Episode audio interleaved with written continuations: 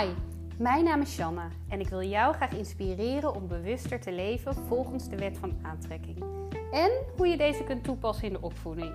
Want hoe mooi is het dat wij als ouders het voorbeeld aan onze kinderen kunnen geven dat ze het leven kunnen leven waar ze van dromen. Dat willen we toch allemaal? Kom, daar gaan we.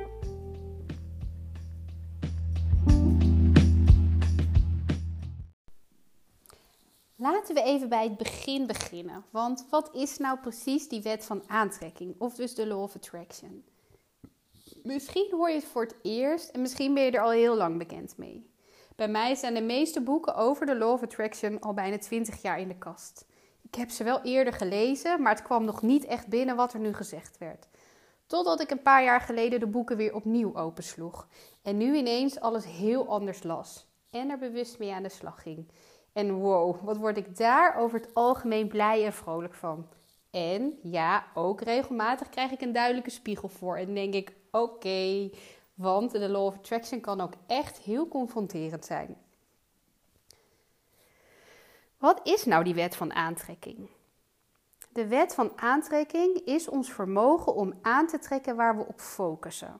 Of anders gezegd, gelijke trekken gelijke aan. Dus alles wat jij uitzendt, krijg je ook terug. Veel mensen zijn wel bekend met de wet van de zwaartekracht. ik gooi een bal in de lucht en deze valt omlaag. Niemand staat daar eigenlijk raar van te kijken. De wet van de aantrekking werkt op dezelfde wijze. Alleen omdat het gaat over energie en deze niet zichtbaar of tastbaar is, vinden sommige mensen dit lastiger te begrijpen of te geloven. Even heel simpel gezegd. Als jij ergens aan denkt, zal het universum deze gedachte oppikken. Heel belangrijk daarbij is dat je er wel een positieve emotie bij hebt. Als voorbeeld. Als jij bijvoorbeeld denkt aan iets dat je graag wil manifesteren, maar meteen erachteraan denkt: ja, dat gaat me toch niet lukken, dan zend je dus eigenlijk de gedachte uit dat het niet gaat lukken. En is dat ook wat je krijgt? Dus als jij je heel veel zorgen maakt over iets in de toekomst, dan is dat wat je uitzendt en is dat dus ook wat je krijgt. Datzelfde geldt ook voor dingen uit het verleden. Als je blijft focussen op dingen uit het verleden, heeft dat effect op wie je nu bent. Dat geldt dus zowel positief als negatief. Je kunt dus dingen uit het verleden waarvan je heel erg blij werd ook gebruiken om je nu goed te voelen. Denk maar eens aan dingen die je zoon of dochter hebben gezegd, die meteen een lach op je gezicht toveren. Hetzelfde geldt ook voor dingen waar je je niet fijn over voelt. Als je daar continu mee bezig blijft, blijf je die vervelende emotie steeds opnieuw herbeleven en blijf je vanuit die negatieve emotie nieuwe dingen manifesteren. Dat is waarom, als je ochtends opstaat en er iets misgaat en dan denkt: oh nee, dit wordt vast een rotdag, er vaak nog veel meer vervelende dingen gebeuren op zo'n dag. Je bent dan namelijk vanuit een negatieve emotie aan het manifesteren.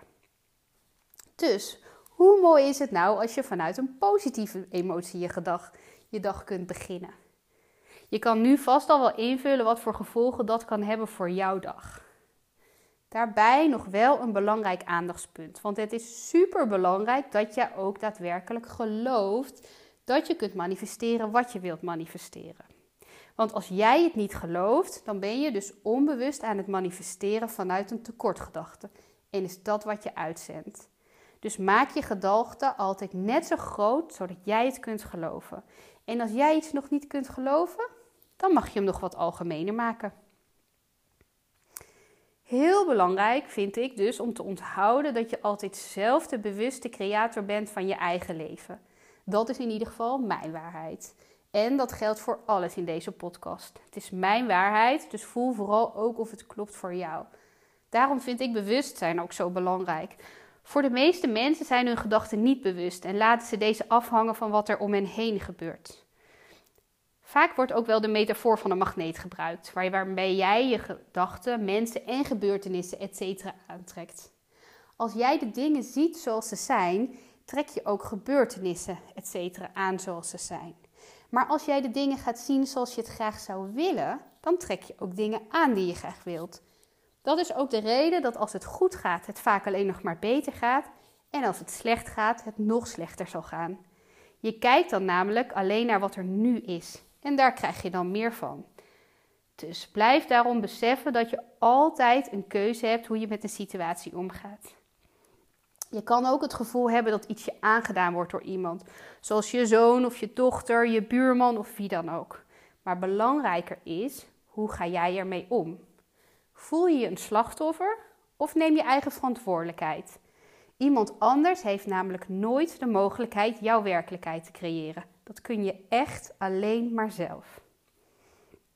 Abraham Hicks, dat is de grote teacher op het gebied van de Law of Attraction, waarvan ook een aantal hele mooie boeken zijn, beschrijft drie stappen die ik nog even kort met je door wil nemen en waar ik nog veel vaker op terug zal komen.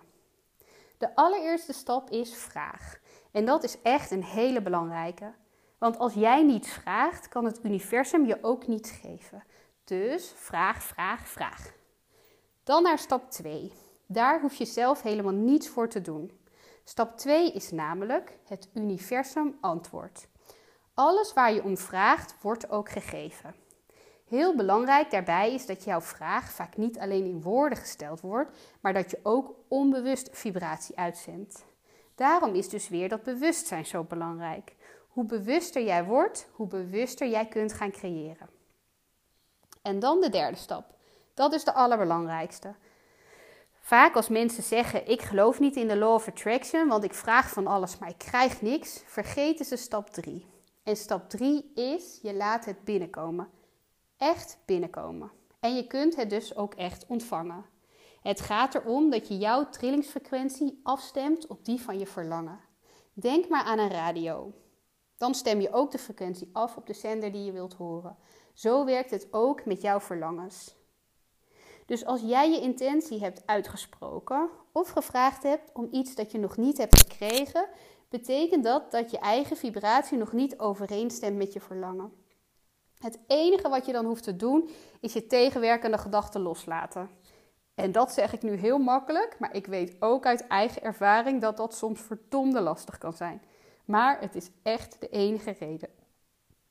Er valt ontzettend veel moois te vertellen over de Law of Attraction.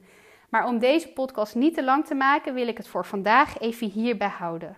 De komende tijd zullen er nog meer podcasts, podcasts volgen over de wet van aantrekking, waarbij ik jullie vooral ook wil inspireren hoe je de Law of Attraction kunt gebruiken in de opvoeding. Want oh, ik en ik denk ook we, we toch echt snel geneigd zijn om te zeggen tegen onze kinderen wat we niet willen, in plaats van wat we wel willen. Want zeg je niet je jas laten slingeren of zeg je hang je jas aan een kapstok? En zeg je niet aankomen of zeg je juist laat maar liggen? En zo zijn er nog tal van voorbeelden. Sinds ik me daar bewust van ben, hoor ik mezelf gedurende de dag ook regelmatig dingen zeggen waarbij ik dan nu steeds denk: oké, daar is er weer een. Hoe kan ik dit op een andere manier formuleren? En dat is echt waanzinnig leuk. Ik word er in ieder geval heel erg blij van en ik hoop jullie ook.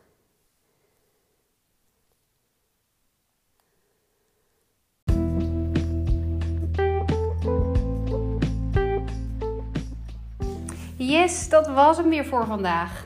Nou, dankjewel weer voor het luisteren. En mocht je deze podcast waardevol hebben gevonden, deel hem dan vooral. Daarmee inspireer jij weer anderen. En ik vind het super leuk om te horen wat je ervan vond. Tot snel!